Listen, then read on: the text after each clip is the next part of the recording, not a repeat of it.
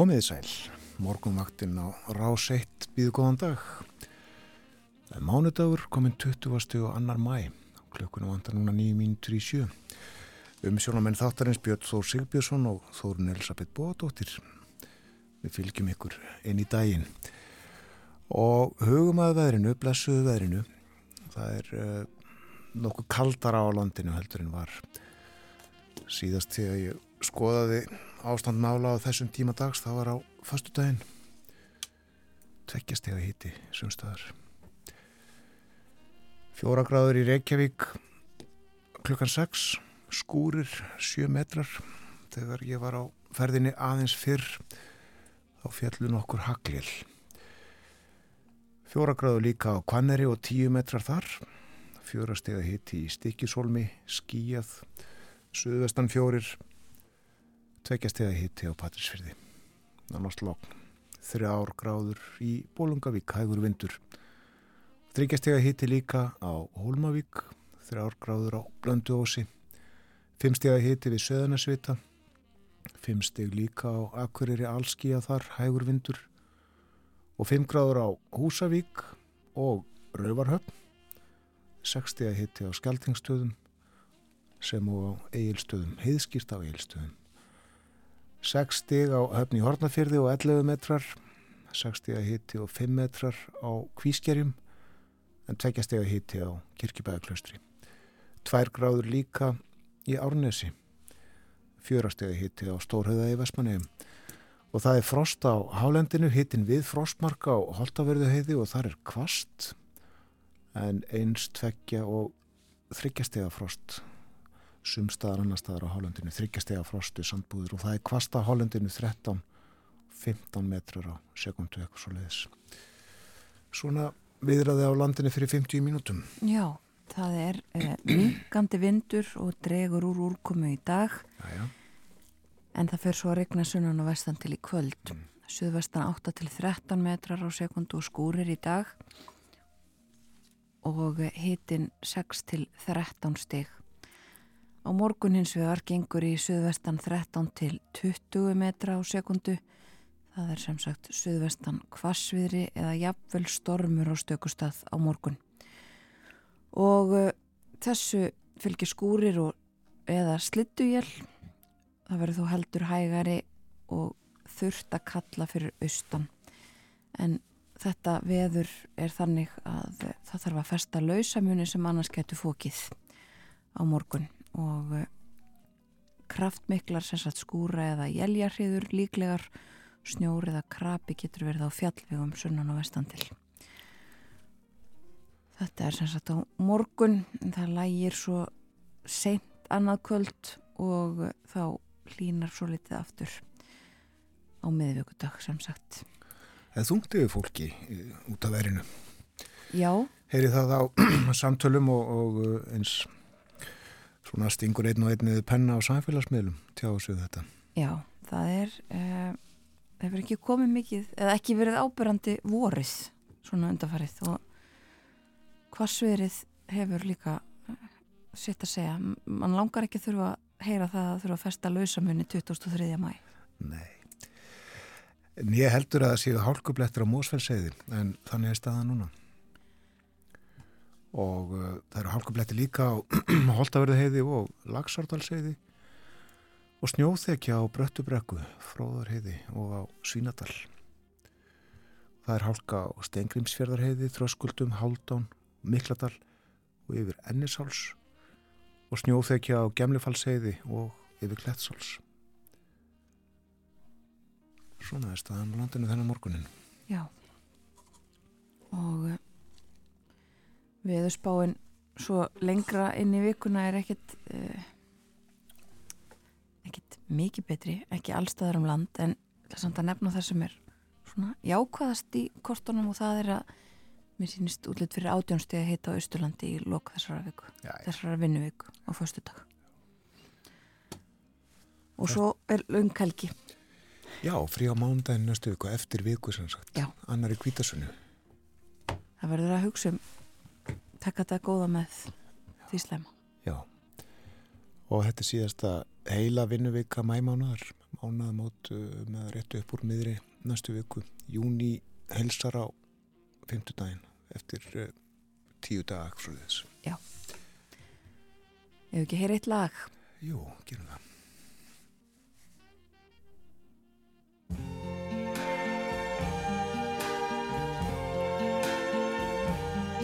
I see trees of green,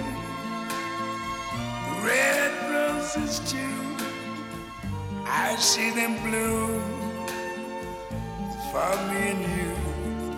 And I think to myself,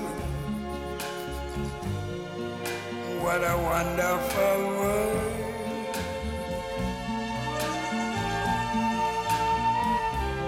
I see skies of blue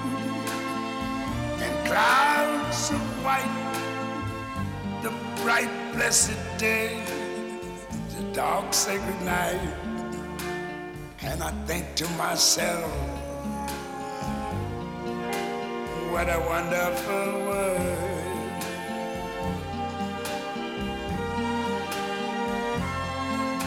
The colors of the rainbow, so pretty in the sky also on the faces of people going by.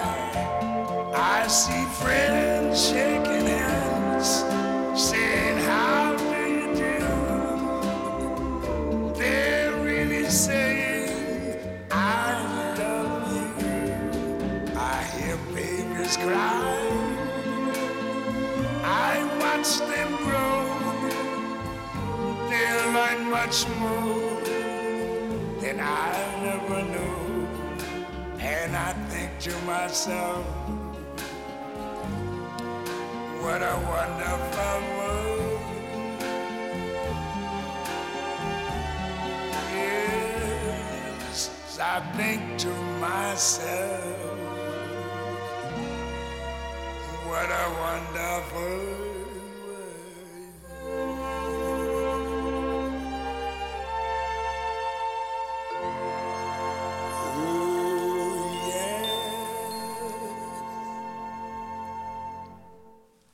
Louis Armstrong söngum veröldina eins og við viljum hafa hana.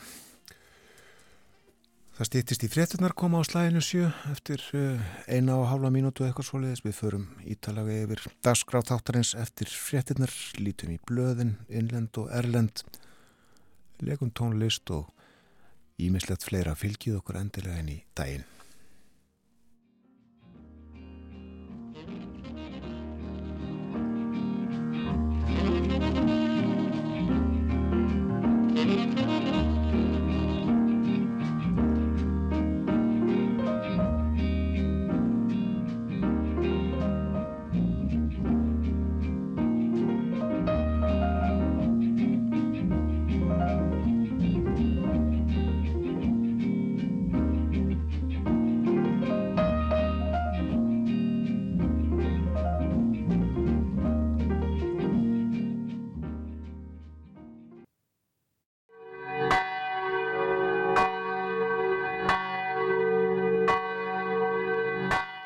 Hefur fækkað stöðugt undan farin ára og ára tugi færeigingunum sem hlýða kalli klukna fólkakirkjunar færisku þjóðkirkjunar.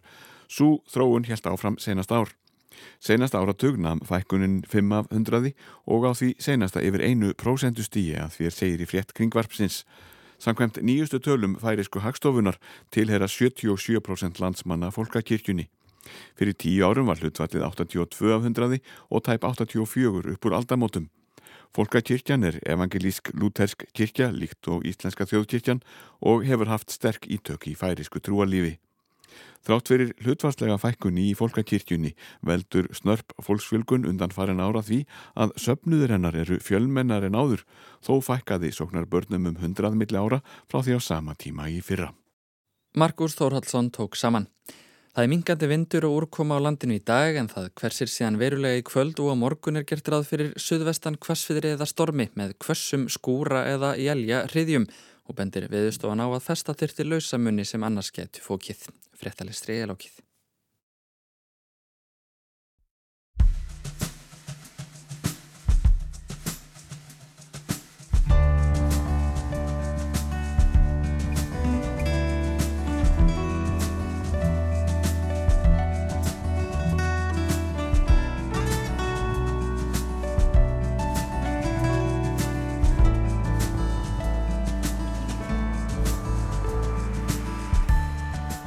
Góðan dag, morgunvaktin hilsar. Það er mánudagur 20. og annar mæ. Um sjón með þættinum í dag hafa Björn Þó Sigbjörnsson og Þórun Elisabeth Bóadóttir. Gerfigreind er mikið til umræðu þessi dærin og áhrif hennar á margvíslegar hliðar lífsins og tilverunar. Hvaða áhrif getur þessi tækni haft á dómskerfin? Munu dómarar nota gerfigreind til að til dæmis ákvarða refsingar? Yngibjörg Þorstinsdóttir, domstjóri Hérastóms Reykjavíkur, kemur til okkar klokkan halv åtta og ræðir við okkur um dómskerfið og tæknina. Og svo ætlum við að fjalla svolítið um nýja miðbæin á Selfossi, hann hefur vakið mikla aðtykli. Öll nýju húsin, eftirmyndir, þekktra horfina húsa, hvaðan að æfa að af landinu. Og nú stendur til að byggja meira. Og til að setja þetta í samengi þá eru 13 hús risinn en áform uppið um að reysa 37 til viðbútar. En svo allt gangi eftir þá þarf að breyta skipulegi og um það kjósa nú íbúar árborgar. En við ætlum að forvitnast um hvaða sögufrægu hús ætlunin er að reysa í miðbænum og selfósin. Leo Árnarsson sem að þessu stendur verður hjá okkur klukkan hálf nýju. Og svo verður Björn Malmqvist fréttamaður í Brussel með okkur að vanda. Við spjöllum um leðtóafundin í Reykjavík í síðustu viku, G7-fundin í Hiroshima í Japan og Evrópska stjórnmálabandalæðið sem svo er kallað en það kemur saman í Moldavíu næstu viku. Ímislegt á dasgræði hjá okkur í dag. Já, og uh, við lítum aðeins til veðurs. Um, það er leiðinda veður viða um land og verður skúrir engum sunnan og vestan til í dag og uh, fer að læja með kvöldinu en það er ekkit sérstaklega heitt hitin 6 til 13 stygg en það verður svo söðvestan kvassviðri eða stormur með mjög kvassum skúra eða jæljarriðjum á morgun. Og það kólnar dálítið í skúraloftinu segir í hugleðingum veðufræðings og vest að þarf lausamuni sem annars getur fókið Á miðvöggudagur ferða að læja og draga úr úrkomi aftur og hlínar þá dálítið, segir í hugleggingum viðfræðings. Og það er hálka á fjallvögum í nokkrum landslutum til dæmis á Mósvelsheiðinni og uh, það er hálkublettir á Holtavörðuheiði og Lagsardalsheiði en snjóþekja hins vegar á Bröttubrekku, Fróðarheiði og uh, á Svínadal. Og vestfyrðir, það er hálka á Stengriðsfjörðarheiði, Þröskuldum, Háldán, Mikladal og yfir Ennisháls og snjóþekja á Gemlufalsheiði og yfir Klettsháls.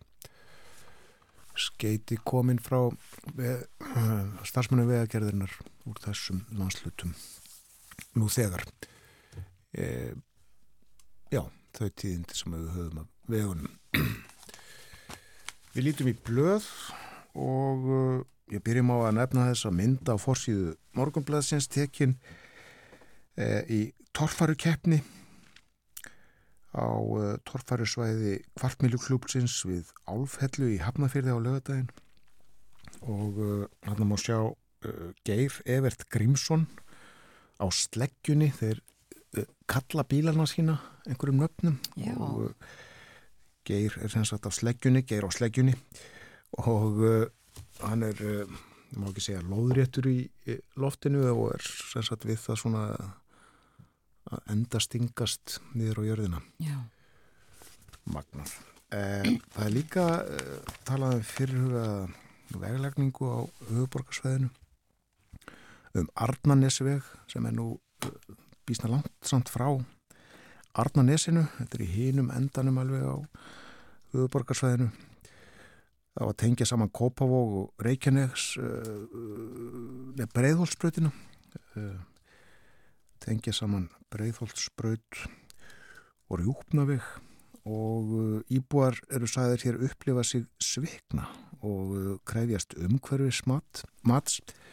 Það er byggt á mati sem likur fyrir en það er gamalt 20 ára, eitthvað svo leiðis og Þeir segja líka að útbóðslýsing eh, rými ekki við deiliskypulag. Eh, við vorum að búða einn út nýlega, barast fimm tilbúð, en íbúðanir ósáttir sem sagt. Nú, svo er sagt hérna frá áformum um að koma á fót líforku gardi fyrir Norðurland eistra á Dísnesi við Eyjafjörð og þar á meðalans að koma upp vinslulínu fyrir Eh, dýraræ og uh, fleira. Úrgang sem fellur undir áhættu sömustu flokka lífræns úrgangs. Og þetta eru já dýraræ og uh, áhættu úrgangur frá aðvörustuðum þetta er svona það helsta sem við nefnum af því sem er á fórsíðu morgunblæsins var nefna verkvöld líka? Já.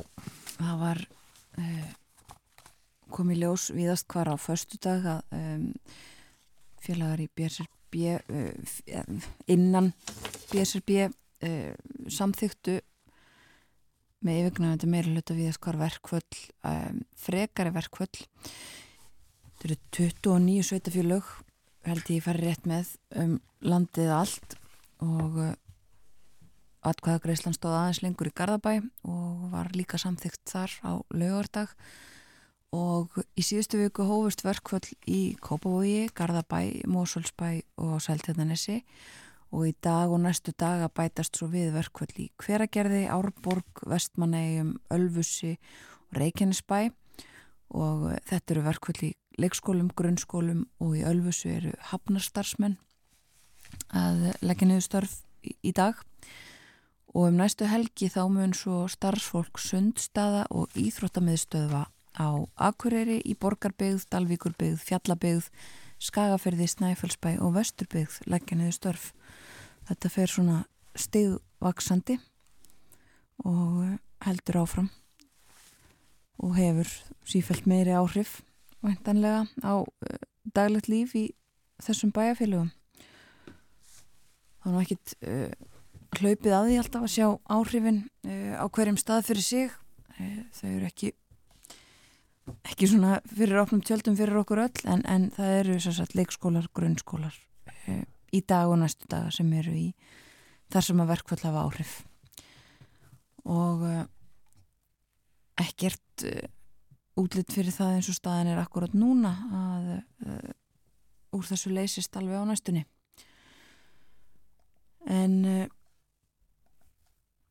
svo er það aðeins út í heim rússar segja frá því að þeir hafi náð uh, tökum á borginni Bakmút í austurluta Úkrænu um, segjast hafa náð borginni algjörlega á, á sitt vald. Uh, þessu hafnaði Volodymyr Selenski Úkrænu fórseti á uh, bladmannafundi í Japan. Hann er á fundi ekki sjöryggjana í Hiroshima í Japan sagði að það væri ekki svo, þeir hefði ekki náð allri borginni alveg á sitt vald en sagði svo líka um, við bladamenn uh, þið verðið að skilja það að það er ekkert þarna, það er ekkert eftir. Það eina sem er í, í, í bakmút eru bara rústir og uh, bara, bara jörð og uh, svo sagðan líka og, og dauðir rússar. Hérna þar sem áður voru heimili 80.000 manns. En eh, fjallaðan þetta við erlendum fjölmjölum og stöðum ála og líka það hvað nákvæmlega rússar ætli sér að uh, græða á því að hafa tekið uh, bakmút borg, hún sé ekki endilega eitthvað sem að muni hjálpa þeim í starra samhenginu því að ná eh, öllu Dombas hér að þið á sitt vald. Miklar uh, uh, pælingar um, um þetta og hernaðar mál í erlendum fjölmjölu meðlannas í New York Times staðan sem að ég er að lesa núna. Uh, annað af G7-fundunum einmitt var að leðtóar þeirra ríkja lofuðu enn frekari stuðningi við, við Úkrænu og við ræðum þau mál nánar hér og eftir þegar Björn Malmqvist verði með okkur. En uh, aðeins af fórsýðum annara blada í Svíþjóð þá uh, fórsýðun á Svenska dagbladet er nefnsekiði fórsýðun á dagans nýheter ætlaði ég að nefna. Uh, þar er mynd frá Arlandaflugulli í Svíþjóð þar sem að langar byðiraðir hafa verið í öryggisleit og öðru sem að þarf til að komast í gegnum flugvelli. Og uh, þetta er kunnulegt, þetta var svona víðast hvar í Evrópu uh, síðasta sumar og hefur ekki verið hægt að ná tökum á hlutónum allstaðar mismunandi hlutir sem að virka ekki alveg nógu vel en uh, sannsagt útlisting á því hvernig eigi að takast á við vandamálinu á þessum reysa stóra alþjóðaflugvelli í Svíþjóð. Og svo er úttekt á því hvaða fyrirtæki eh, græða mest þegar að verðbólgan ekst og meðal þeirra sem eh, eru teknir hérna fram í fórsíðufréttinni fyrirtæki sem selja blegjur og, og fleira slíkt sem að gengur mjög vel og hafa grætt en meira nú í eh, verðbólku ástandi sem er í Svíþjóð eins og, eins og viðast annar staðar í já, hér og í löndunum í kringum okkur. Og uh, í dönskum blöðum ímislegt að fjalla um kannabisræktun í informasjón og sem er leiðis um þessa kúvendingu sem að hún er kölluð uh, á fórsíðunni þar uh, bætin bandarækjafórsita varðandi herþótur sem við heyrðum af í frettunum og hefur verið til umræðu og var líka á þessum G7 uh, fundi. Það að Evrópuríki ætli að uh, veita úkrænumönum aðganga að þessum um, F-16 orustu þótum meirum það kannski líka hér á eftir. Um, og svo er það svo eru það kostningar sem fóru fram í Gríklandi og tölverð tíðendi þar sem að uh, við höfum heyrt af líka í fréttum. Um fjöldanir um, um þær kostningar viða líka í, í erlendum fjölmjölum segjum það gott í byli en uh, minni aftur á það að við verðum með Björn Malmqvist hér með okkur eftir morgunfréttinar klokkan átta. Og þá eru erlend málefni, evrópsk málefni á dagskráni Einmitt. Uh, aðeins yngað heim aftur uh, á fjallaðan Lunda í frettunum hjá okkur um helgina. Og uh, kjarnin sá að Lundastofnin er sáður í mun verri stöðu en áður var talið. Og svo virðið sem að stofnin hafi dreyið saman um 70% á tæpum 30 árum. En þetta er stór stofn við, margar tegundir hér á landi en hann hefur átt undir höggasækja og rætt við Erpsnæ Hansen lífræðing og hann hefur verið að rannsaka þetta og uh, segir að vístamenn hafi ekki greint stopn þróunina uh, jafnlangt aftur áður og nú var gert. Og uh, hann segir þekkt að lundarstofnin gangi í gegnum misgóð tímabil en mælingar síni nú þróun sem að ekki hefur áður sérst þessi setni tímafækkun verðist vera nýja nálinni Þessi senkun á varpi og léleg unga ár svona samfelt í röð hafa ekki gest áður í þessari 140 ára sögu sem við höfum verið að skoða. Og ástæðan, jú, að megnunu til skortur og fæðu fyrir fugluna og þann skort má rekja til hlínunar sjáar. En eh, hann telur þó að lunda veiðar séu ábyrgar fyrir í það minsta 10% segir ljóst að ekki sé um sjálfbærar veiðar að ræða þó treygið hafi úr umfangi veiðana undanförnum og svo er haft eftir honum það er ekki góð heimsbyggi að veiða stopna á niðurlið. Mér finnst ég að hafa heyrt þetta áður og uh, flett upp í gömlum blöðum og fór 130 ár hér um byll aftur í tíman. Hér er til dæmis frétt úr fjallkonunni frá 1891 Lundaveiði hefur verið mjög lítil í útegjum að bjarnar ei undanskilni en á heimaðinni þvínar engin.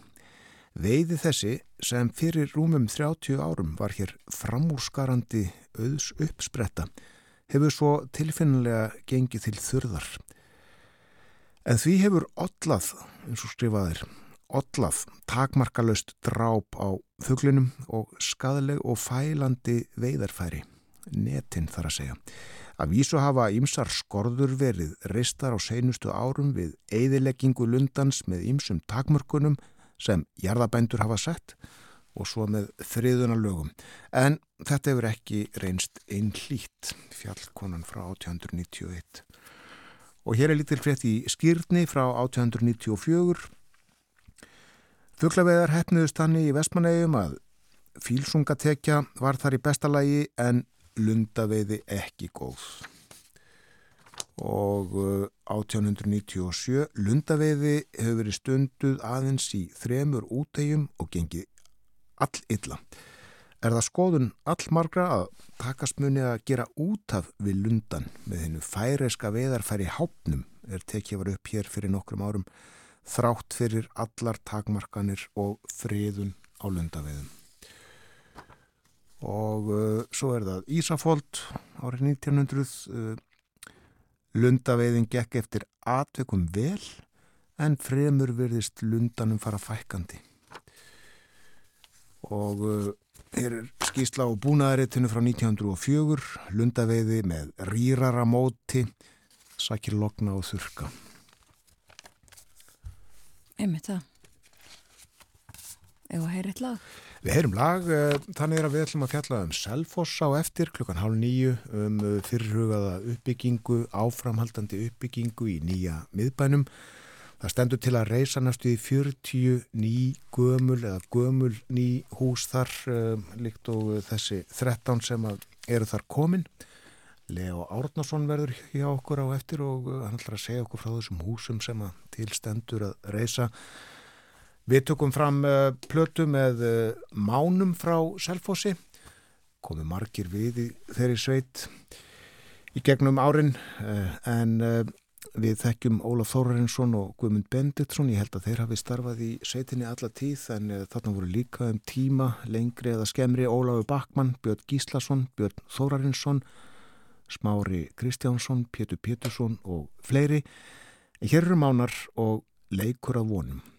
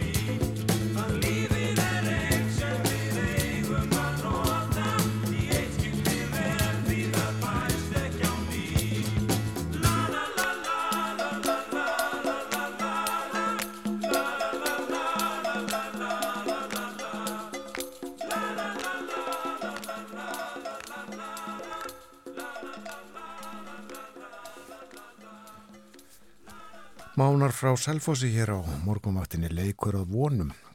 Ólafur Þorrensson lappi í mánum samt í lagið, Jónas Fridrik gerði takstan. Þetta lag uh, þeirrar gerðar að uh, það uh, er líklegt til þess að koma niður dregnum fólki í gott skap. Já. Margir sem að þurfa á uppörfun að halda þessa dagana við látum hvort sem að okkur líkur, líkar betur eða verð eh, veðrið hafa svolítið áhrif á, á okkur stemning og skap. Við gerum það og eh, líklegt að það verði ekki til þess að bæta skapið eh, víða um land svona næstu sólarhengana en það er þó halveg hægt að nefna það að það verður sólríkt svona á norður og austur hluta landsins á morgun þó að það verði ansi kvast þá er kannski hægt að finna sér skjól þar. En uh, það er stormur í kortunum. Stormur í aðsí Stormur í aðsí sumstaðar Hvassviðri ekki alveg stormur annar staðar? Og regningur og viða um land. En uh, svo verður við bara að grípa í aðra líkingu og segja all jél stittur upp um síðir. Það lítur að koma að því að það verði sumarveður hér Stittist í fréttaeflitið kemur eftir 5 minútur uh, minni á að uh, eftir það verður hjá okkur Yngibjörg Þorstensdóttir, hún er domstjóri hérastóms Reykjavíkur, við ætlum að tala við hana um uh, gerfigrind munns á dagur renna upp að uh, tölvöldnarmunni sjáum að uh, dóma. Veltum því fyrir okkur með Yngibjörg hér eftir smástund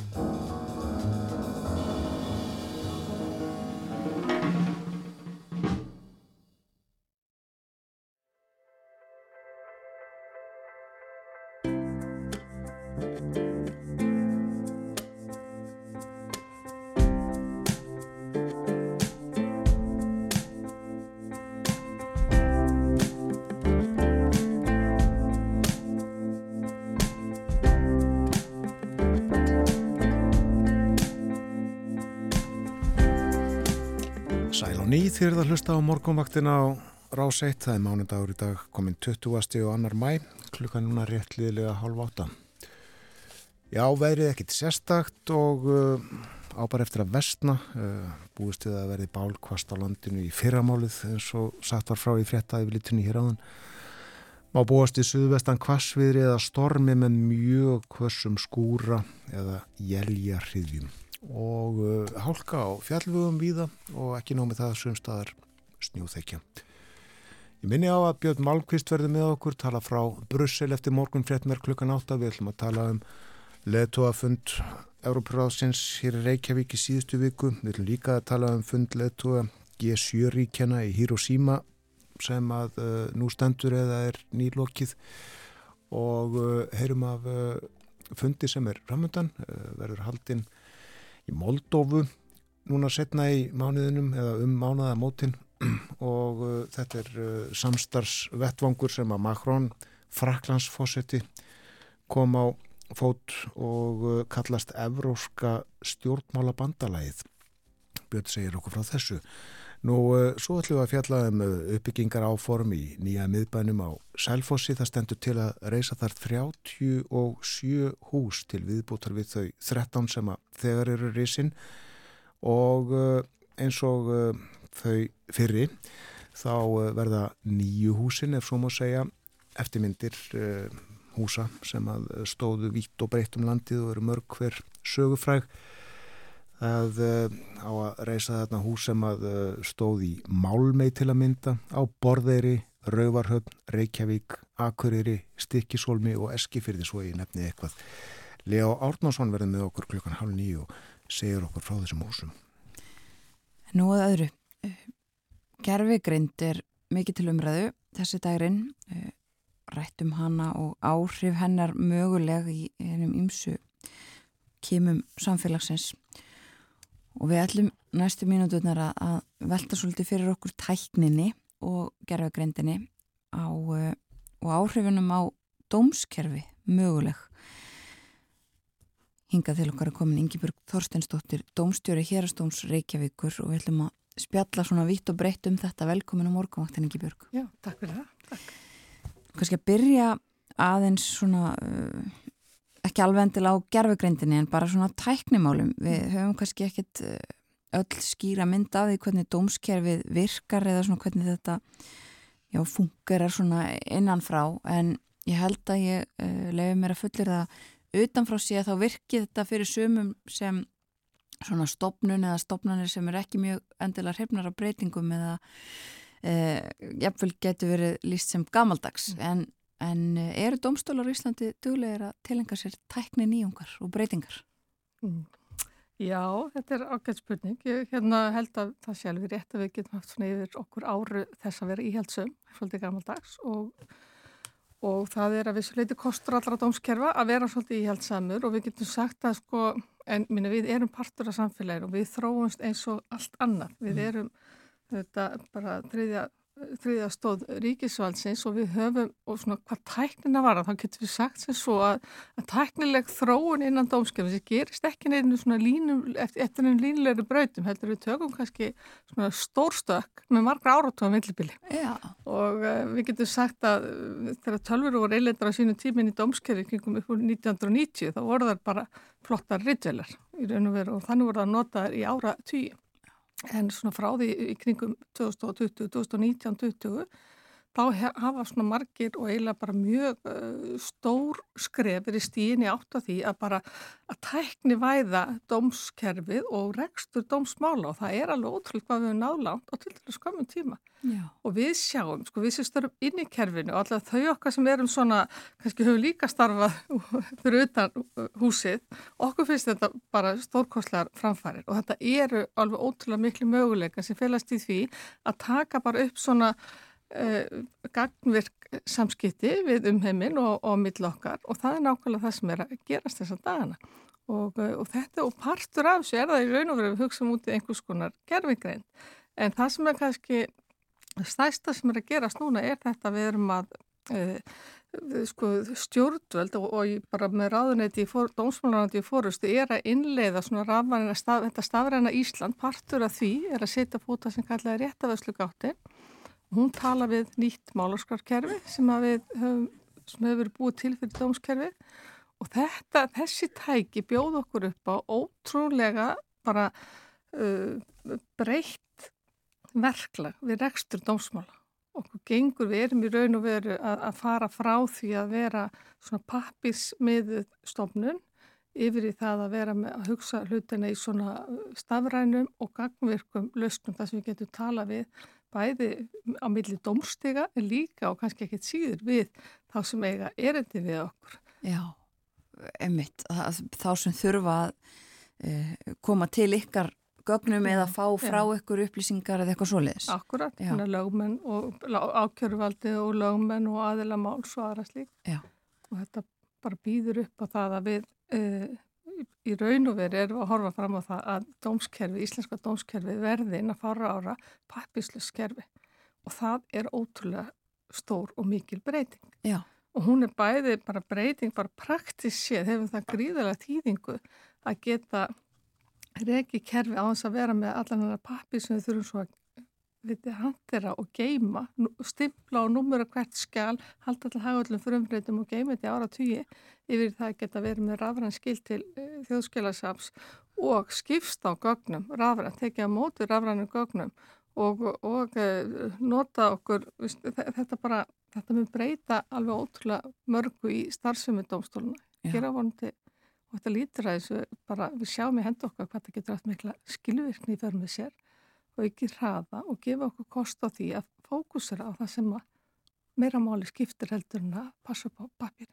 Já, Já þannig að þið, eh, svona, eh, vonin er að þetta létti áallu, það er þetta líka partur af því kannski svona sem að uh, utanfrá allavega og hefur stundum verið í umræðinu um þetta, eitthvað svona þunglamaleg mm. og það er auðvitað kannski erfitt þegar ef öllu þarf að skila á pappir og það er svona, það þingir alls konar Algjörlega, þetta Já. er, ég meina við erum auðvitað fástu mjög oft þung og erfið mál, Já. það er engin gladur að koma inn í hérastóma að hlusta ákjörði við sjálfum sér eða, eða, eða reka engamál sem var það mikla hagsmunni, málefnir eru þung og þau eru flókin, en það hjálpar okkur gríðarlega, við getum tekið bara tæknina í okkar uh, þjónustu og gert hlutina skilvirkari og haft bara fókusin, það sem að máli skiptir á úrvinnslu málsins sjálfs á nýðustöðinu, á henni lagfræðilega nýðustöð. Já, og hvar er þetta alls saman statt núna? Er þetta komið í gagnið eða aðkomast í gagnið? Já, þetta er bara, þetta er statt hannig að við erum byrjuð, við erum komin að stað bara með ammarkan málaflokk og það var byrjað bara málaflokknum sem lítur að, að málum sem lauruglan beinir til okkar það sem hún óskurði dómsúskurði í, í, í, við rannsókmála Og það er, og þau mál eru öll reygin eftir þessari brauð í dag. Við það er engin pappi sem kemur inn, það er bara málið berst okkur í gegnum réttafæslugáttina, gögnin berast okkur í gegnum réttafæslugáttina, uh, lögreglan óskar eftir fyrirtöki á dómari gegnum réttafæslugáttina, dómari lætur verjenda vita í gegnum gáttina hér sem komið mál, það sé allast þess að hann skilja einhver eða mæti. Og, uh, og dómari hveður upp úrskurð, jafnvel með uh, hérna, aðelarmáls á fjarfundi og, og, og undirrittar rafrænt úrskurði sína. Og þeir eru þá sendir í gegnum réttuvislu gáttunum þangað sem þeir eiga að fara. Og þetta er alveg ótrúlega uh, mikið hagræði í rekstri mála og bara og í raun og veru uh, bara í takt við það sem að aðra stofnan og fyrirtæki er að gera að nýta sér sko, þessa tækni til að bara einfalda okkur lífi Já, þetta hljómar eins og hálkið bara bylting í þessu öllu saman. Já, þetta er það. Ég get ekki kallað þetta neitt annað bylting. Þetta gjör breytir allir vinnuðastöðu okkar sem vinnum í kerfinu og þetta mál og það sem þetta gerir fyrir okkur dómar að þetta hérna gefur okkur færi á að fara miklu fyrr og niður það sem máli skiptir sem Já. er niðurst á úrskurðarins og, og, og að lesa gögnin og, og, og búa til niðurstöðu málsins. Já. Annað gerir kerfið eða fyrir okkur. Já, akkurat. Og þetta er eins og segir komið í gagnið að svona einhverjum hluta og er svo verið að innlega þetta í skrefum áfram. Já, síðan er bara verið að vinna sakamálinn svona og það er verið að vinna að, sko það sem þetta kallar á, kannski fyrsta skiptum sem í langa tíma þessin tæknin kallar á það að við skoðum líka regluverk. Við þurfum að skoða réttafass reglunar. Þess að þetta eru það mikla breytingar að við erum uh, sko þessar formfæstu reglur réttafarsi sem eru all miðallar að því að tryggja réttar öryggi og tryggja það máls meðferðin sé í samræmið þar grunnreglur sem réttaríkið gerir kröfu til. Það er, eru allar miðaður út frá uh, því að við séum með pappir, við séum með lögmenn sem mæti og hitti dómara á, á, í dómhúsi og, og leggja fram frumreitt gagna. Þetta er alltaf á, á floti. Við þurfum bara skilgan eitthvað nýtt. Hvað er frumreitt gagna? Hvað er fundið með dómara? má það vera fjárfundur. Hvernig finnum við frumrið gagg sem hefur aldrei verið til á pappir og svo framvegs. Þannig að við þurfum að fara að hugsa svolítið, bara að bakka og koma inn aftur og segja hvernig tryggjum við réttaröryggi og réttlanda málsmeðferð inn í því kerfi sem byggir á stafrænum og gagverkum lausnum. Það er eiginlega verkefni sem að dómskerfi stendur fram með fyrir núna. Emmitt, það er stort verkefni. En við ætlum að ræða annað líka sem að tengist þessu og er nú -hmm. kannski svona aðeins meiri Eh, já, ekki allavega eitthvað sem er komið í svona formlega framkvæmt hjá domstólum, en það eru meira svona vangaveltur um, um uh, gerfigrind og, og svona, já, ennþá frekari tæknabreitingar um, og það er mikið talað um gerfigrindina við höfum heilt bara undan farna vikur þá er uh, um fjallanir um að það sé verið að láta gerfigrind uh, skrifa og skila lokaritgerðum í háskólum og, og fara yfir og það sé ímislegt takt að gera. Og þá vakna mitt upp spurningar sko um gerfugrindina í, í, í dómskerfinu. Og kannski þurfum að skipta því kannski tvemt annars vegar með sko, gerfugrindin inn í, í dómsölum og svo leysa svo líka bara það hvernig eh, hvernig hægt verður að sannreina alls konar. Nú verður hægt og er hægt að gera ótrúlegustu hluti og það mun bara aukast og það hlýtur að breyta svo eh, sko, verklæginu og því hvernig hægt er að meta sönnunagögn og fleira slíkt. En aðeins meirum þá eftir, mér langar að byrja á, á gerfugrindinni. Er mikil umræða um, um hana eh, í, í dómskerfinu? Mm. Nei, ég getum kannski ekki sagt hún sé mikil en við erum bara auðvitað eins og annað fólk stöndum og, og svolítið erum bæði hérna sko spennt eða óttastlegin yfir bara fréttum af því hvað, hvaða tækni þróun er, kann að vera fyrir höndum. Og þetta kann og við sko frétti sem við lesum og, segja okkur að, að gerðurgrein kunni að tækni kunna breyta því hvernig við vinnum og hvernig við vinnum úr upplýsingum. Okkur er hérna, sko ég hef lengi verið og, og tala fyrir því að við getum notað eitthvað sem er gerfi greint eða allavega þróaður húbúna til að leysa tiltekin verkefni innan dómskerfisins. Og um, þá er ég að hugsa um svona einhver sko rútinuböndi verkefni sem fara, sem eru kannski koma inn til okkar í hundruð með þúsundatali en krefjast ekki mikill að siðfyrirlegra eða, eða matskendra úrvennslu. Eins og hvaða? Eins og það er, það er til dæmis ímiskonar eh, bara, við tala, gætum alveg nefn, minniháttar sakamál, það sem ekki er eins og tekið til varna, sem lútað umfyrlega broti eða minniháttar fíknefnilega broti og mæti viðkomandi ekki eða mæta nú játi sög. Það fer fram mjög einföld uh, úrvinnsla, það kemur dómur og sem að leggur á tiltekna refsingu en refsingi fer eftir mjög svona formföstum leiðum. Það er hvers, hvers eðlis er broti hvers eðlis er hvernig er sakaferð viðkomandi eru fleiri broti í gangi og, og svo framvegis. Og það má hugsa sér að það getur verið fremur auðveld að láta gerðvegrind að minnst okkur stið hjálp okkur við að gera okkur bara fljótari í að afgreða svona mál Og sama má segja um þau hundruður eða þúsundi mála sem okkur berast sem felast í raun og veru bara í enga mála. Það sem að fólk hefur stofnað til einhverja skulda, kipt einhverja þjónust og ekki greitt fyrir hana, svona típi slíkmál sem koma. Það sem í raun og veru er að við gerum að, að það er ekki tekið til varna, það verður útvist í málunu en, eh, en kröfu hafi nöðsöld að fá dóm fyrir, kröfun til að geta haldið áfram og dómurinn okkar er í formi bara áriðunar á stefnuna eftir að það er svona skoðana og svo skoðun fer fram eftir svona frekar fyrir svona gefnum leiðum sem áalveg hugsa sér hægt sér að færa inn í einhvers konar velrennan uh, uh, úrveðslu Þa, það má alveg hugsa sér þetta. Einmitt, og uh, það er en, en við þurfum auðvitað að sjá svo hva, hvað er raunverulega á bakvið það sem við erum að tala um sem gerðvirkveint.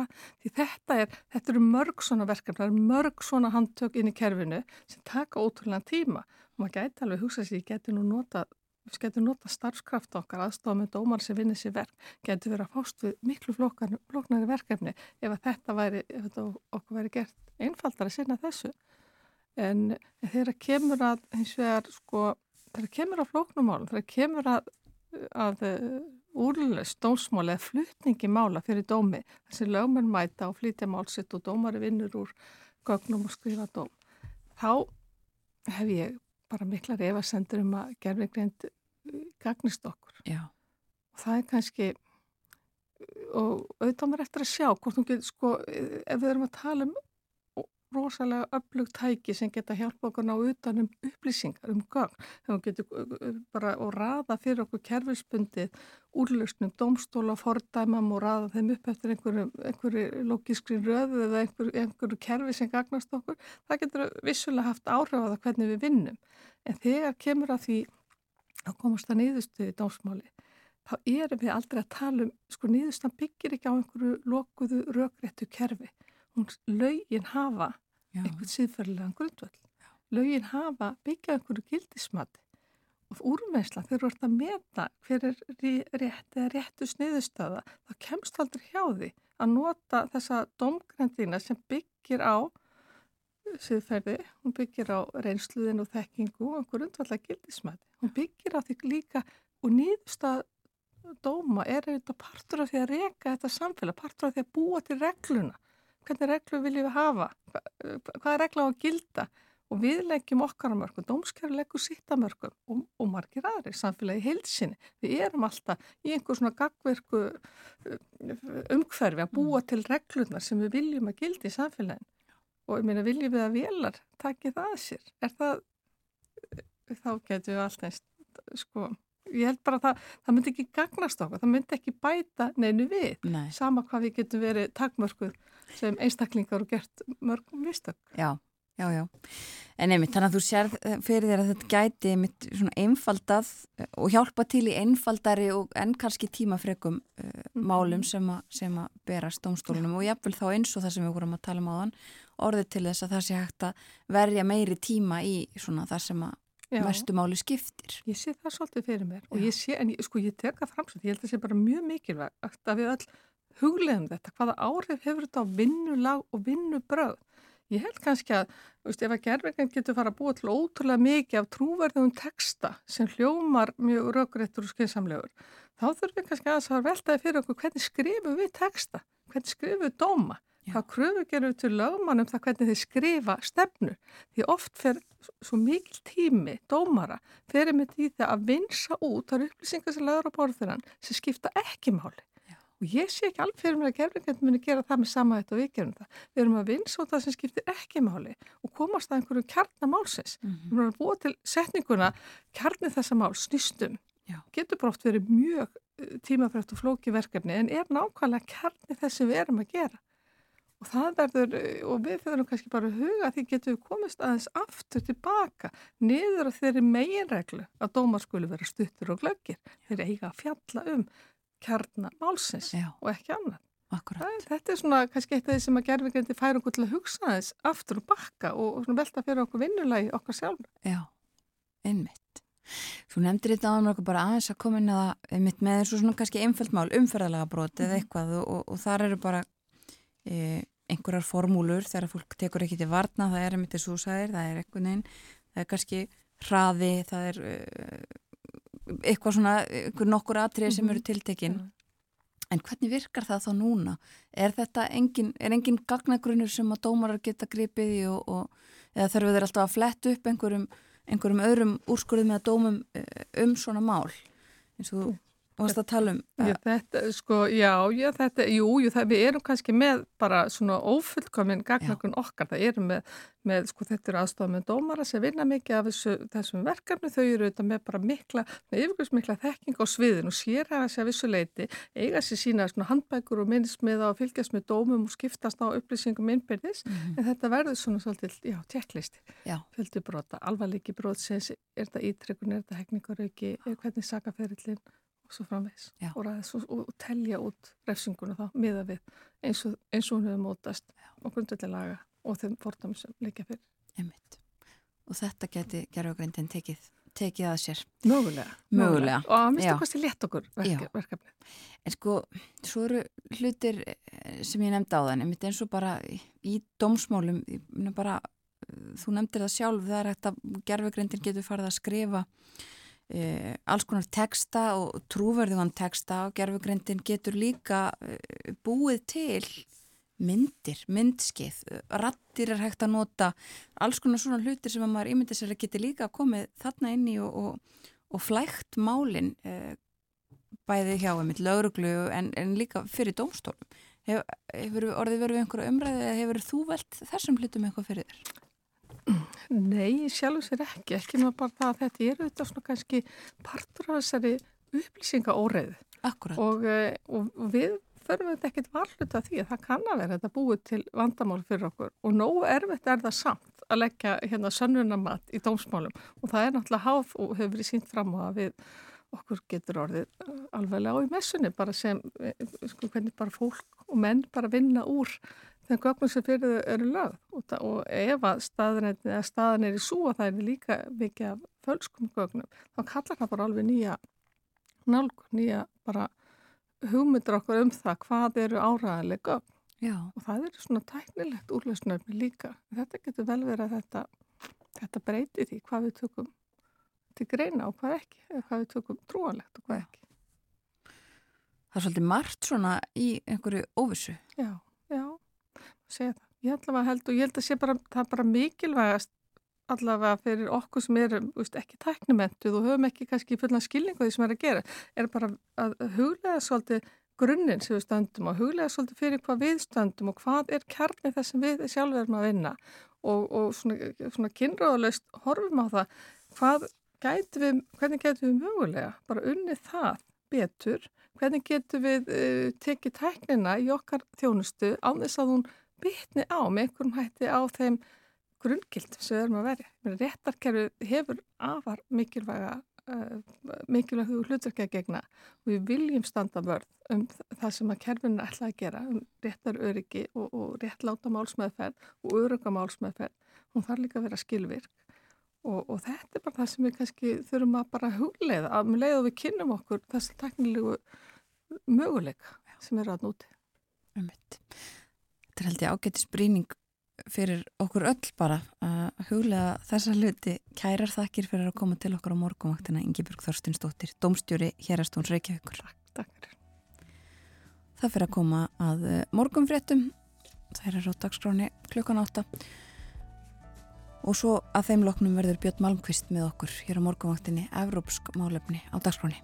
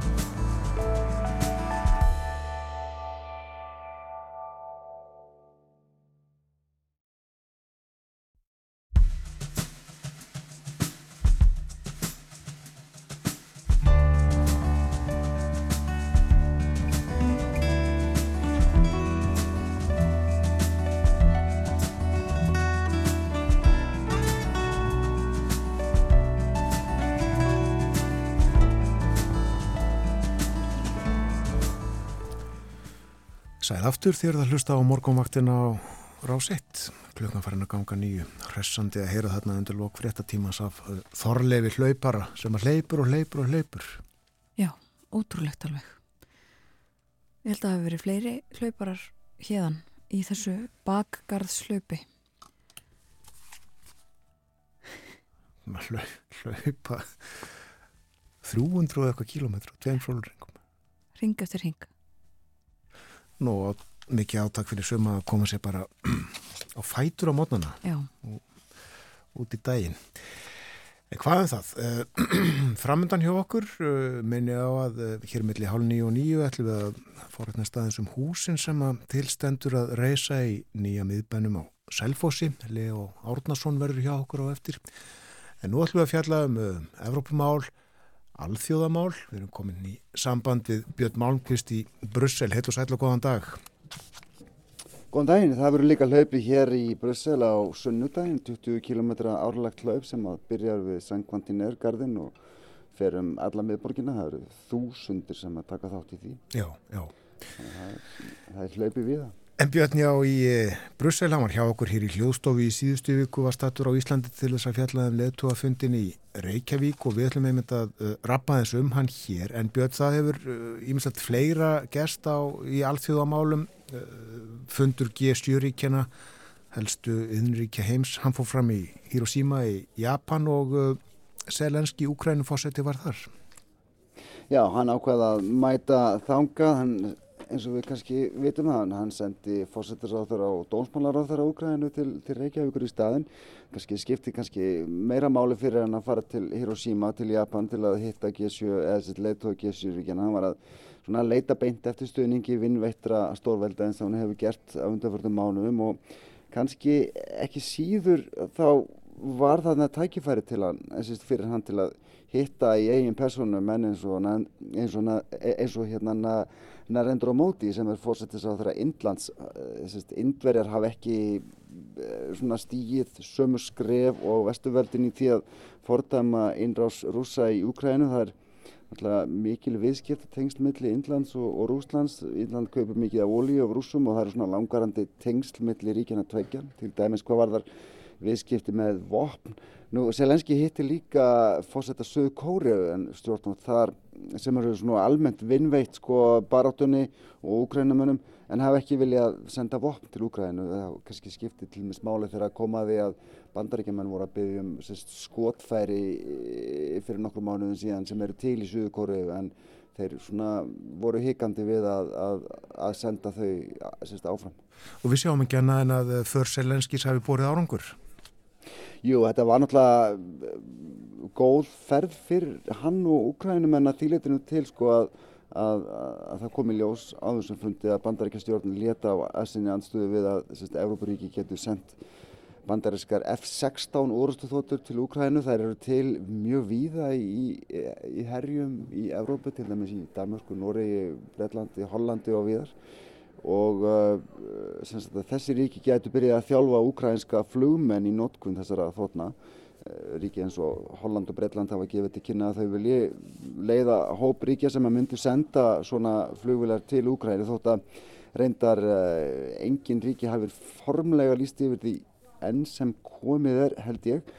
Og hann um, með Breitland og Holland það er reynda tenging við leitóafundin sem var heima í síðustu viku að því að að því að þetta kom fram eftir uh, lítinn svona tvíhliða fund sem að, að Rissi Súnak fórsettisáþara Breitlands og Mark Rúte fórsettisáþara Hollands áttu í hörpu í síðustu viku svona á kanti leðtúafundarins sem að þar var haldinn. Einmitt það og talandu um leðtúafundin eh, hefur hann verið ábyrrandi í frettum í Evrópu síðustu daga?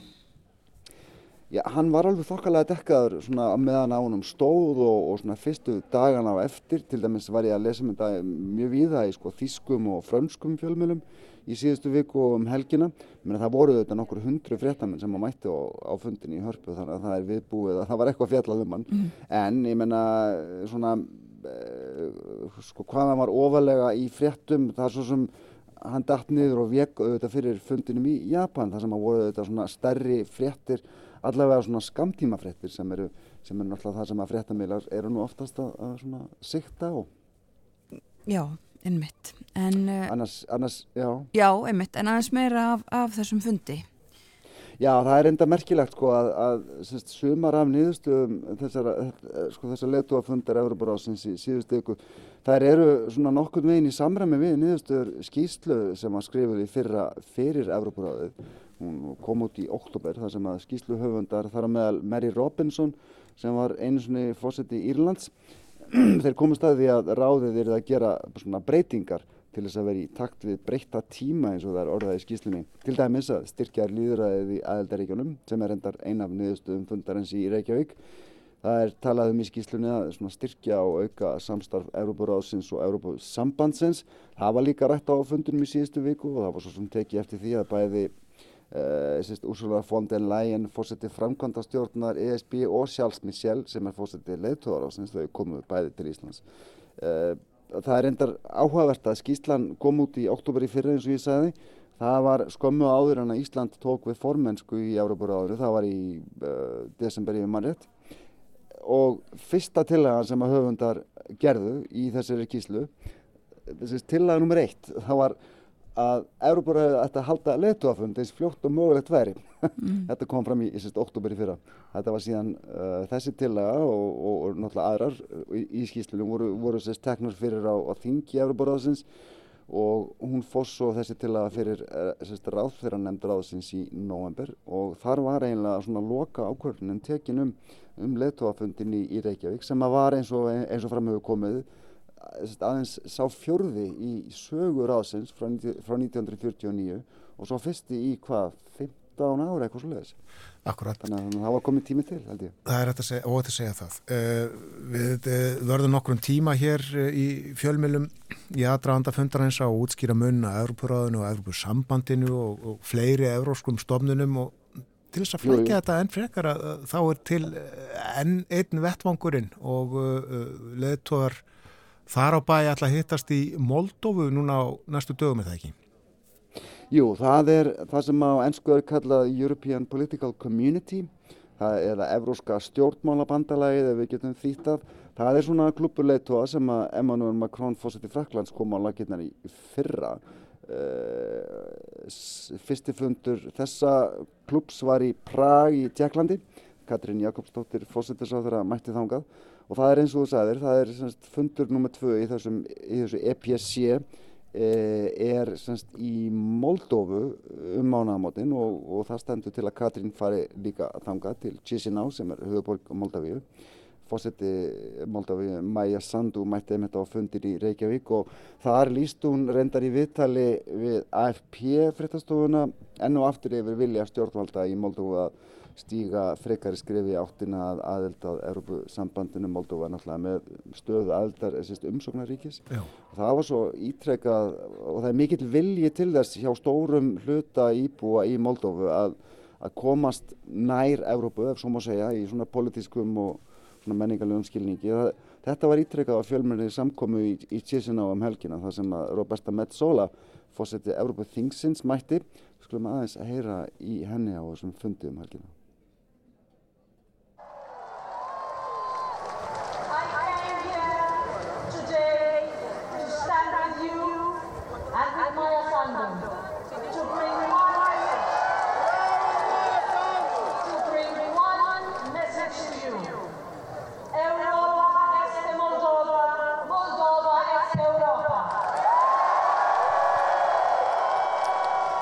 Evrópa er Moldova og Moldova er Evrópa, sagði Metzola á þessum fundi í Tjilsin á helgina. Það er náttúrulega ljóst að það er gríðalögu vilji hjá stjórnvöldum þar til að svona losna undan hæl rúsa en þetta er ekki einfalt mál.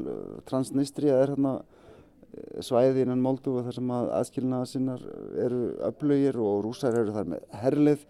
Moldovar eru mjög háðir orku frá Rúslandi Þannig að þetta er, þetta er ekki einfalt mál en, en það er nokkuð ljóst að þau horfa í, í vestur ef svo má segja.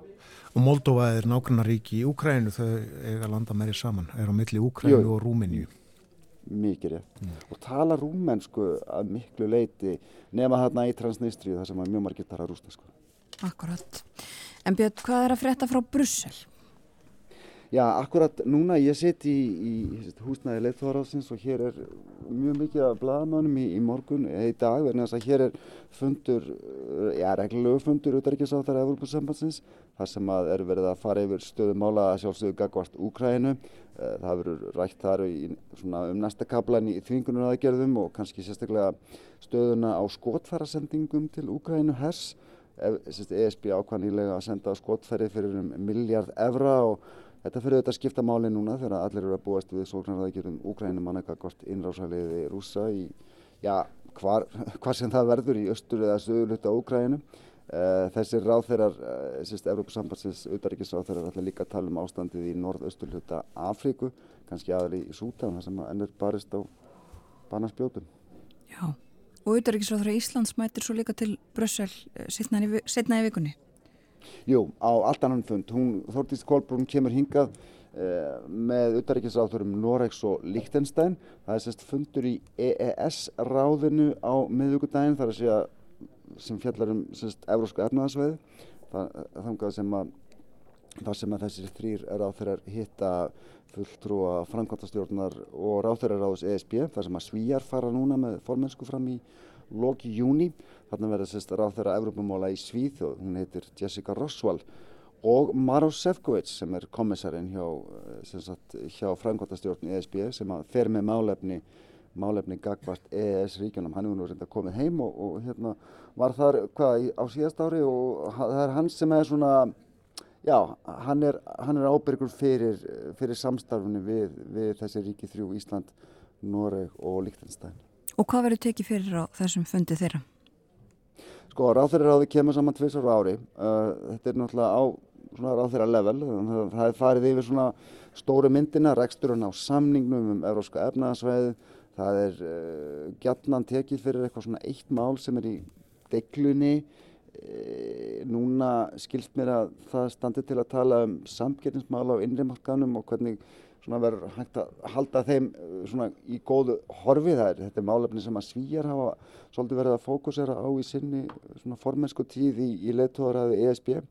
Svo er svona hefbundin umræða um það sem að hæst bera á alþjóða vettvangi, Úkræna auðvitað ofalega á bladi, niðurstöður G7 fundarins í Japan og það má svo sem alveg búast við því að Þórtís gefi skýslu um leðtóðafundi Európaráðsins í, í síðustu viku. Já, uh, við töluðum um uppbyggingasjóðin og tollamál uh, fyrir hálfu mánuði. Er það eitthvað sem verður á dagskráða þessum fundi? Já, einmitt, við vorum að tala um þetta, þessi uppbyggingasjóður sem, sagt, sem að, að EES-ríkin, eh, Ísland, Nóriður og Líktenstein fjármagna og síðan eh, hinn hliðin á penningunum sem er samlingaveraður um, um, um, um tollamál gagvart á landbúnaðar og sjávarðursförum frá þessum þremur ríkjum, aðlaga Íslandi og, og, og Nóriði til Európa-sambandsins, það er svona hinn hliðin á þessum penning. Sko, ég held að sé ekki neitt formlegt á dagskrá um þetta mál uh, á þessum fundi á miðugudaginn. Það kemur svo ekkert óvart að það verði eitthvað talað um það þótt að sé, eins og ég segja, ekki formlega á dagskrá. Það verður líklegast eitthvað talað um stóra losunamálið og íslenskan flugurekstur. Við munum að það komið með tilkynningum einhverjar tilslaganur og undan þá sem að gilda til 2026 á, á blagamannafundi Fondi Læjan og Katrínu Jakobsdóttir í, í síðustu viku og það er svo sem á eftir að kannski að útskýra aðeins betur hvað í því fælst. Eh, það mál er reyndar, það varðar Ísland miklu frekar en Nóri og hvað þá Líktenstein sem er inn í miður í Európu. En, en ég ætla að fylgjast með þessu fundi á miðugudagin og það verður líkast eitthvað af hann og frétta þá. Já, líklegast. Takk fyrir spjallið í dag Björn Malmqvist í Brussel. Takk fyrir mig. Og við þetta uh, getum við bætað uh, í dag og á morgun fer fram fundur laga og mannréttindanemdar Európurás þingsins. Hann fer fram á Kýpur og uh, Þórhildur Sunna Ævarsdóttir alþingismæður situr hann og vorfundur NATO þingsins stendur í Luxemburg og hann sækja á hálfu alþingis Andres Ingi Jónsson, Jóhann Friðrik Friðriksson og Njál Trausti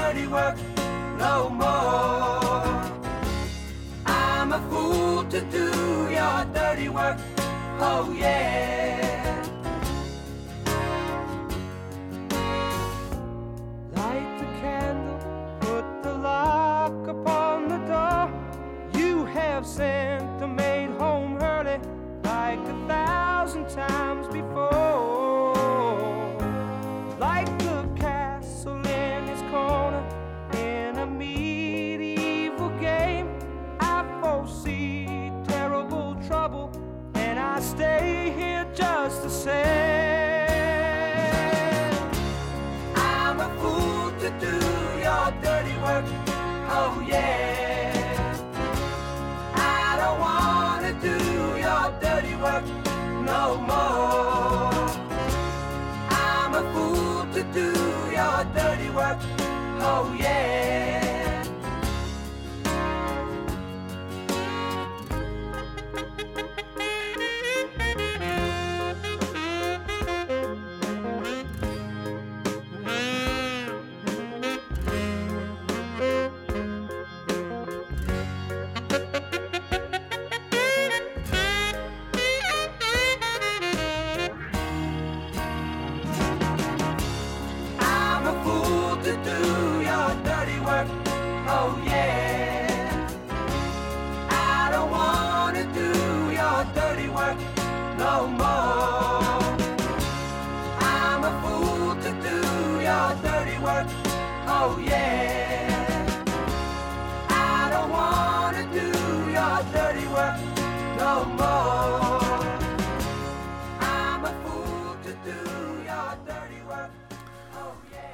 Stíli Dan á morgunvaktinni. Dirty Work. Áðan maður Björn Málkvist með okkur talaði frá Brussel. Og við spjöldum við um uh, dagskrá leiðtoga í Evrópu og víðar í heiminum. Að undanförnu og næstu daga líka. Já, náum að vera Við fórum aðeins yfir ástandið á vegum landsins hér snemma í morgun. Það er hálka og snjóþekja sumstaðar og við um vestfyrðina til dæmis og uh, vestur land heiðar og fjallvegir á uh, Snæfellsnesi til að mynda nefndir og Holtavörðu heiði og við höfum bæst að það er hálka líka á Öksnadalseiði engum í Bakkaselsbrekkunni. Og við höfum auðvitað fjallað tölvert um veðrið og uh, það hvernig það er og verður. Sínist vera svolítið þoka að læðast yfir hér höfuborgarsvæðið þannig að þessu takmarkaða útsýni sem við höfum hérna e, úr hljóðstofu í eftirleiti en við förum að hleypa fréttastofunni að. Það er uh, yfirleitt morgun frétt á dagskroni ætli við fáum ekki að heyra eitthvað örlíti meira af veðri og mögulega færð líka þar. En svo ætlum við að tala um Selfoss. Miklar breytingar sem að þar hafa orðið og nú er kosið um hvort að gera í enn meiri breytingar byggja ennþá fleiri gömul innan gesalappa hús. Ný hús sem byggja á, á byggja á gömlum. Eh, Leo Árnason kemur til okkar og segir okkur frá þessum húsum sem að stendur til eða er viljið til að byggja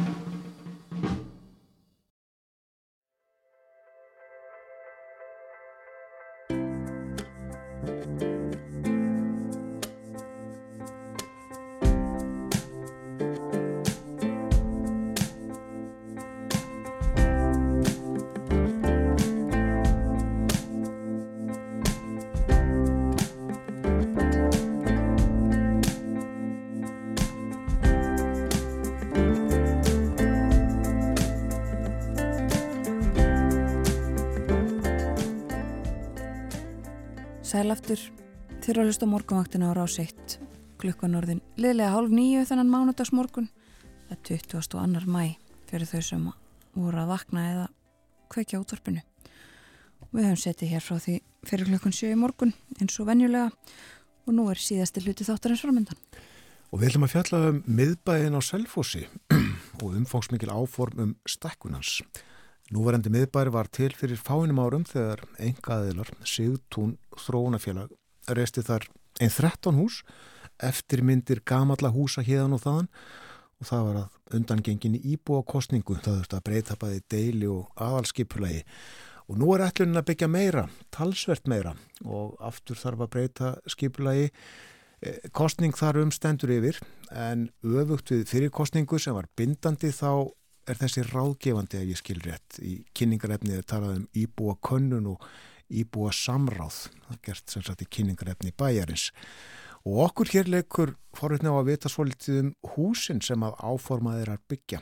Og hér hjá okkur er Leo Árnason frá Sigtúni, stjórnarformaður Sigtúns, velkomin til okkar á morgunvartina Takk fyrir það Var þetta ekki örgulega rétt hjá mér? Er þetta ekki ráðgefandi eh, kostning? Jú, ég held að þetta sé nú, sko, þetta er nú fyrst og finnst kostnarmál, það er að segja íbúa kostning hefði því það að þá myndur menn mæta á kjörstað en uh, þetta er ráðgefandi könnun og, og uh, til að mynda hefur formaði bæjar ás gefið það alveg skýrt að, að það sagt skýrt að hann muni fara eftir niðurstöðu þessara könnunar verði kostninga þáttakan eða þáttakan yfir 29%, það er sama á að miða við í, í kostningunum 2018 Eh, hins vegar eru við ekki að fara í mjög mikla stækkun meða við skip, gildandi skipulag. Við erum að ganga ölliti lengra inn í bæjagarðin og eh, það er, þetta er svona kannski meira prinsipmál að spyrja íbúana því að þeir kusu um þetta skipulag 2018 og það er svona prinsipmál að taka ekki það skipulega að henda því í ruslið og koma með nýtt án þess að þeir hafi nokkuð um álið að segja. Þannig að, að breytingin er í rauninu óveruleg. Og þetta snýst ekki um það að, að sko það, að, að það sé verið að kjósa um hvort að það er að reysa þessi 37 húsið ekki.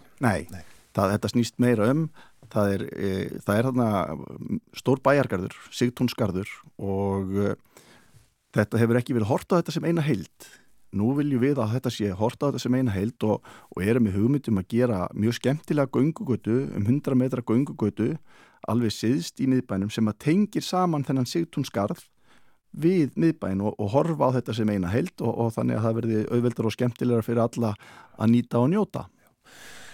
Getur þú líst fyrir okkur hvar þessi nýju hús eiga að rýsa svona út frá uh, þeirri byggð sem að þarna er þegar? Já, þau eru, við erum að fara að byrja núna á fyrstu tveimur húsunum sem að standa við Eiravegin, það er að segja gengt Hotel Selfos og þar ætlum við að byggja, að því að við vorum að tala um húsin, eh, þar ætlum við að byggja gamla eða endurbyggja gamla Hotel Akureyri sem að stóð við allstrætti 12 fyrir norðan og, og brann 1955 þótti eitt glæsilegasta, norðanmenn töluði nú um glæsilegasta hótel Norðan Alpafjalla.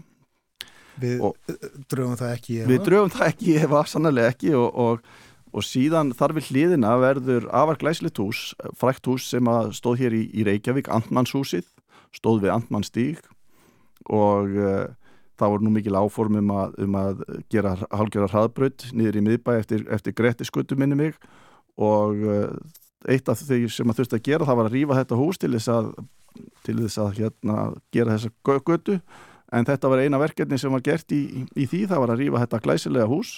Og við tökum því svo sem fagnandi selfisingar í dag að ætlum að endur byggja, byggja það. En, en kannski fyrir hlustendur að þá erum við í rauninni að byggja hús, allt öll þessi hús bæði þessi 13 sem eru komin og, og þessi tæplega 40 sem við eigum eftir að byggja að þetta eru hús sem eiga það samilegt að þau stóðu á Íslandi viðsvegarum landið en örlug þeirra voru annarkort að, að þau brunnu eða, eða voru rifin niður og, og jafnvel eins og andmannshúsið fyrir misvitrar ákvarðanir stjórnmálmannar sem ekki höfðu svona sens fyrir þessum menningaverðmætum. Já, eh, emitt, þau eru öll horfin. Þau eru öll horfin. Já, já. Sko, uh, áður en við höldum lengra á fórutnast um þessi hús sem að þið ætlið að uh, reysa þá sko hvers vegna ákvöðuð að gera þetta, fara þessa leið í staðis að, að láta hann eitthvað nýtt? Já, það er svo sem búið að reyna hanna marga miðbæði á Íslandi í gegnum tíðina og um, enginn að mér allan finnst og mörgum svona sérstaklega spennandi. Eh, ef þú að hanna miðbæði þá, þá þarftu með annars að gera sérstöðu.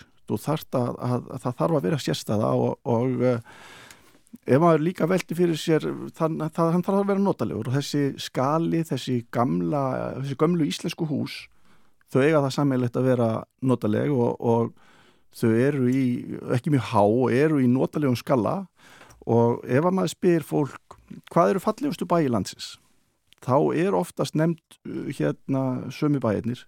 Stikki Solmur oft nefndur, Siglufjörður Innbærin og Akureyri, Kvosin í Reykjavík Seðisfjörður og svo framvegs og hvað eiga þetta, hérna, þessi bæi samilegt það er helstiftar húsaræður í gömnum stíl og mikið af húsum í gömnum stíl.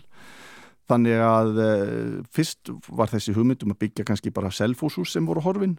Hugmyndi var ekki nógu stór, þau eru ekki nógu mörg og, og svo opnust eh, himnarnir í rauninni þegar að þessi hugmynd kom að, að, að taka hús allstar af að landinu og, og byggja byggingasögusapp um tiltikið tímanbili í, í, í sögunni og uh, það þóttu nú, þetta var nú gaggrínt að, að fara að taka hús sem að frá akkurir sem á enga tengingu við Selfoss. En ég nú svaraði þannig að, að til dæmis á Selfossi, þriðja húsi sem að þar var byggt var gamli landsbankin sem kallaður er, hann var upphæflega reistur á, í Búadal og, og keiftur á landsbankanum, rifið niður og, og fluttur á Selfoss og ég þekki nú ekki þann selfising sem vil skila því heim ekki, ekki frekar en Reykvíking sem að vil taka ráþurra bústæði niður við tjötn og senda hann vestur á, á flateri þar sem hann var uppalega byður og, og það var einfallega þannig að, að hús voru flutt á milli, milli staða mikið, það var efni og dýrt og vinnu og blódýrt á þeim tíma Þannig að, að eh, þetta er bara þekkt í sögunni að, að flytja hús á milli svæða. Já, en er, eh, hver sem er heimilt að taka tekningar eða, eða myndir af gömlum húsum og, og reysa þau einhver starf annar staðar? Já, þetta er öll það gömul hús að það er, það er hérna orðið heimilt. Já, já. En þá að húsunum sjálfum, þú nefndir uh, Hótel Akureyri, uh, glæsilegasta Hótel Norðan Alpafjalla á sínum tíma, uh, það mun rýsa á Selfossi. Það mun rýsa á Selfossi, já. Og fyrst við erum farin að tala um hótel einu sem stóð við Ingolstorg sem við þekkjum nú í Reykjavík Hótel Ísland. Já, afar glæsilegt hús. Men það rýsa á Selfossi. Það mun rýsa á Selfossi. Við viljum að byggja, já, hérna Hótel Ísland var nú einstaklega fallit hús að, að byrjaði smátt og, og, og svo stækkuði menn við það. Það eru fræði menn í sögunni þar sem að sátu við drikju, hvort sem það er Þórður Malakoff eða, eða heldri borgar eins og Hannes Hafstein. En um, við viljum að reysa þetta glæsilega hús og það verður hótel meðal annars. Uh, það eru fleiri hús þarna í, til dæmis í Reykjavík.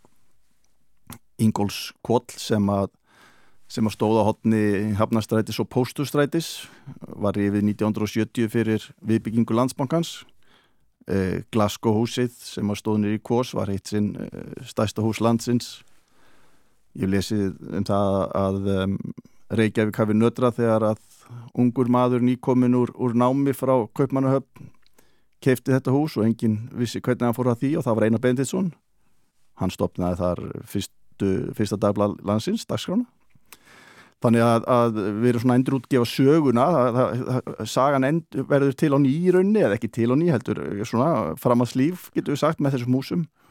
En við ætlum að taka, eh, byggja líka hús eh, víðar, við ætlum að endur byggja talandum einar, einar reyndar, á, á, í Reykjavík einar Benditsson þá, þá byggjum við Syndikati sem stóð það sem að Kaffi Paris stóð lengi, það dökkun rós í dag og branni í brunan mikla 1915 Við ætlum að reysa fleiri hús til dæmis eins og á, á, Akureyri, Hotel Otteri sem stóð við strandgötu, feiknarlega tignalegt hús, brann 1908 og, og fleiri hús að norðan, mm, fell á Ísafyrði, fallegt, afarfallegt hús sem að brann fyrir einhvern 75 ára síðan, búðin á Rauvarhöpp, uh, stórt og mikið hús á Siglufyrði, Evangervesmiðan sem að stóð hinn með við fjörðin þegar það voru orðið þraungdum, uh, síldaversmiðunar á Siglufyrði og þá fórum henn að byggja hinn með við og, og það hús eðlaðist í miklu snjóflóði 1919 þannig að það er að nóg að taka. Já, það er orðið til hjá greinilega mikil þekking á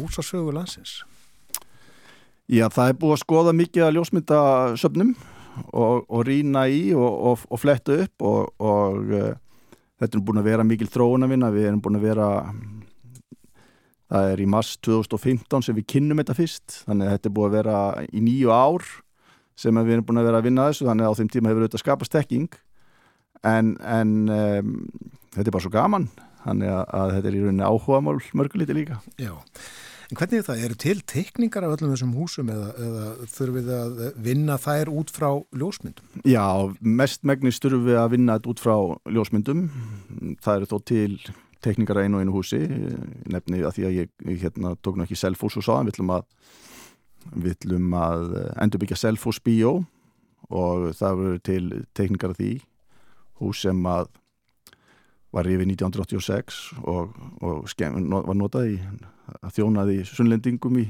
í ára tíu og um, þannig að en, en mikið til er þetta bara ljósmyndir og, og um, arkitektarnir okkar, batterið arkitektar eru orðinir sérfræðingar í því að, að meta stærðir út frá ljósmyndum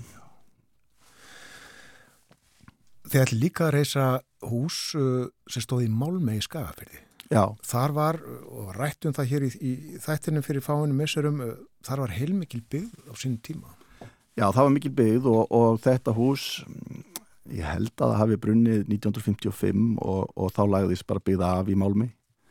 Þannig að við erum að, sko, það sem að, við erum að gera núna í þessari göngugötu þá erum við að byggja runni kellara og, og svo setjum við þessi hús og ná það gefur okkur tæki frá að byggja þessi litlu hús og, og vera þar með meiri fjölbreytni og, og kannski víðar um land. Við ætlum líka að reysa hús sem að áður stóð í Grímsei uh, Kaldanesi niður á milli, milli Selfos og Eirabakka og uh, þannig að það er að koma, koma líka töluvert að nýjum húsum. En, en uh, þetta verður mikil saga í þessum húsum og eins og þarna, þarna reynilega bara lagði spigð af eftir að þetta hús brann. Já. Hvað uh, með starfsemi í öllum þessum húsum, hvað sér þið fyrir þér að, að fari fram í þeim? Um, það er, eh, við viljum að það verða tvö hótel sem að þarna munur rýsa og, og uh, það er um 15 hús af þessum 40 sem að fara undir þá starfsemi en, en þó verða vestlanir á, á, á jarðhæðum að hluta til Uh, við erum að reysa um 45 íbúðir Ingólskott til dæmis húsi sem ég var að tala um áðan og, og völundur sem að stóð niður við skúlagötu þau munum mynda þau eru semst samtengd og, og þar verða íbúðir á, á efri hæðum.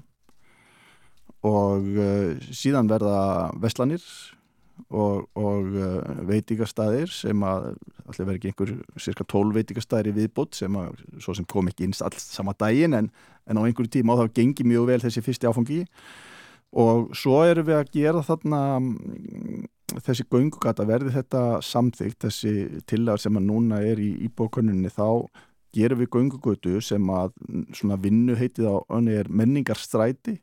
Þar ætlum við að leggja mikið upp úr menningu, við ætlum að hafa þar vinnustofur fyrir listamenn, hafa þar galleri og uh, síðan hótel og, og, og, og veitikastæði og þúsund fermetra magasín vestlun þannig að, að uh, það veri fjölbeitt starfsemi í þessum húsum. Já. Og uh, það er auðvitað nú þegar bísna fjölbeitt starfsemi í þessum 13 sem að standa gengur, gengur allt vel? Já, það gengur alveg ótrúlega vel og við náttúrulega opnuðum, eða ekki náttúrulega við opnuðum í sennilega erfiðasta tíma í 70 ár þegar við opnum 2021 og kannski þauks ég bara heimamönnum og Íslendingum sem voru þá mjög duglega að sækja ykkur heim en, en við finnum það núna að, að um, erlendi ferðamenn er að koma mjög mikið til viðbótar og það hefur gengið mjög vel. Það er vel að við erum í raunin að stækka hugmyndina og, og Selfoss eh, stendur á landakortinu einstaklega vel við erum nála töfborgarsvæðinu við erum mjög nálagt sumarhúsabygð og uh, svo erum við bara við slagað ferðarþjónustunum í landinu og uh, ætlum okkur að, að gera Selfoss að, að, að svona upp af stað að þú gerir einfallega út frá Selfossi uh, hvað erlenda ferðamanni varðar en við erum samt mjög einbyttir á heimamenn. Og það er að, að við þekkjum það ef við förum ellendist, það er skemmtilegra að, að vera innan um lokalinn þar heldur en, heldur en aðra ferðamenn.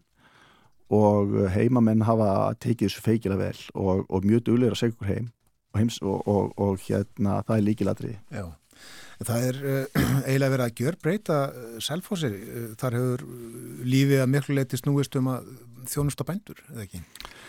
Jú, það er náttúrulega þetta, þannig byggðist bærin upp og, og hann byggðist ótrúlega hægt upp í rauninni. Það er, það er eh, tryggvaskáli byggist samhliða brúnni sem er nú upphafið af Selfoss 1891 og það er svo ekki fyrir 1907 að næsta hús Sigtún er byggt og við erum nú búin að endur byggja það sem var fyrsta kaufulega ánisinga og, og svo þegar að mjölkubúið og kaufulagið koma sem eru einmitt eins og segir að þjónustabændum það gerist í kringu 1930, 29 og 30 þá fyrst fyrir alminlega byggðast að, það voru ekki nema tíu hús á Selfos 1930 þannig að við segjum gaggast niðbænum að við segjum að byggja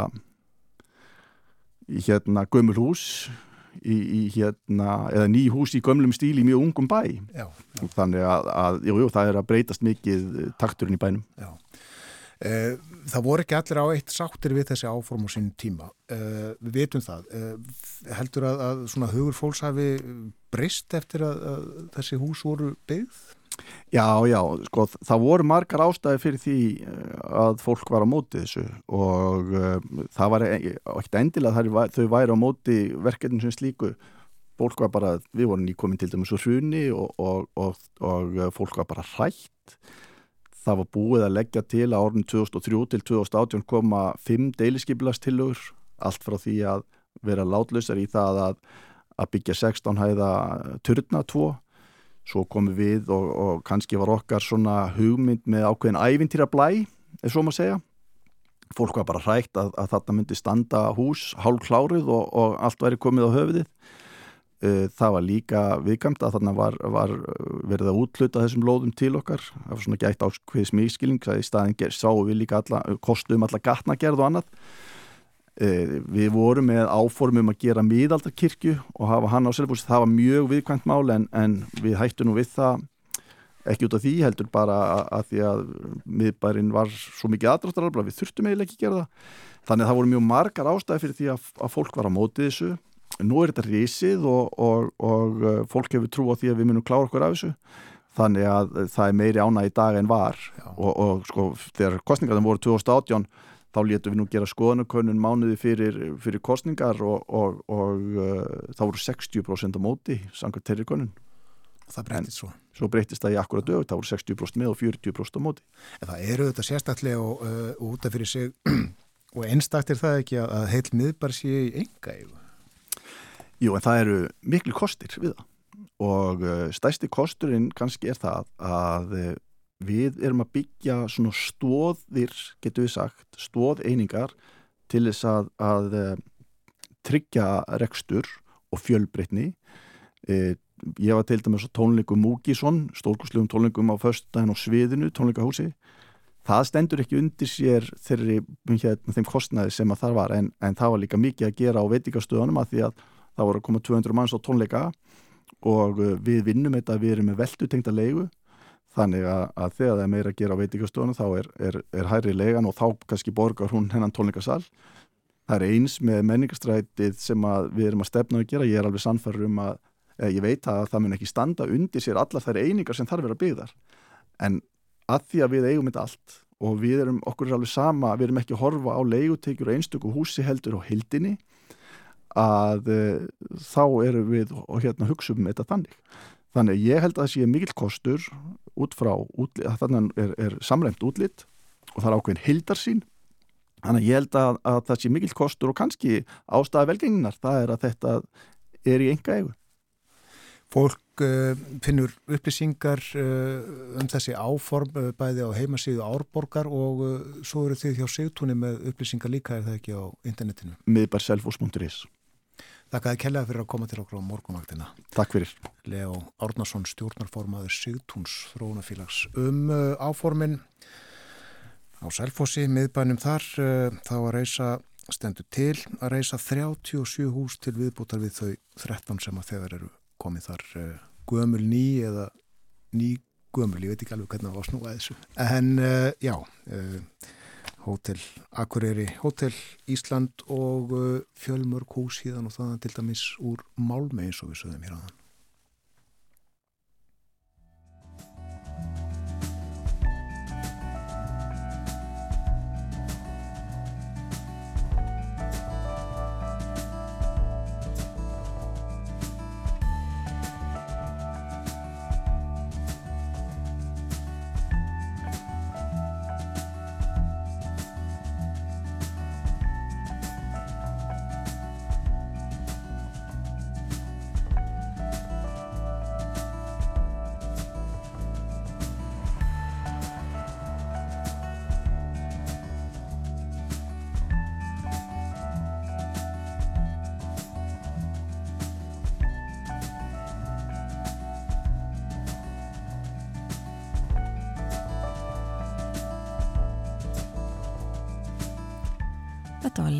Árnason hjá Sigtúni á Salfossi.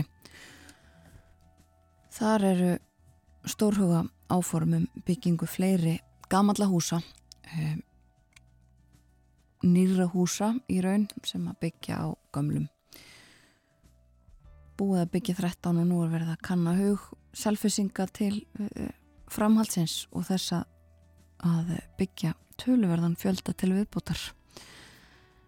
Leo sað okkur frá húsónum sem að umræðir og svona hugmyndafræðinni og baka þetta allt saman.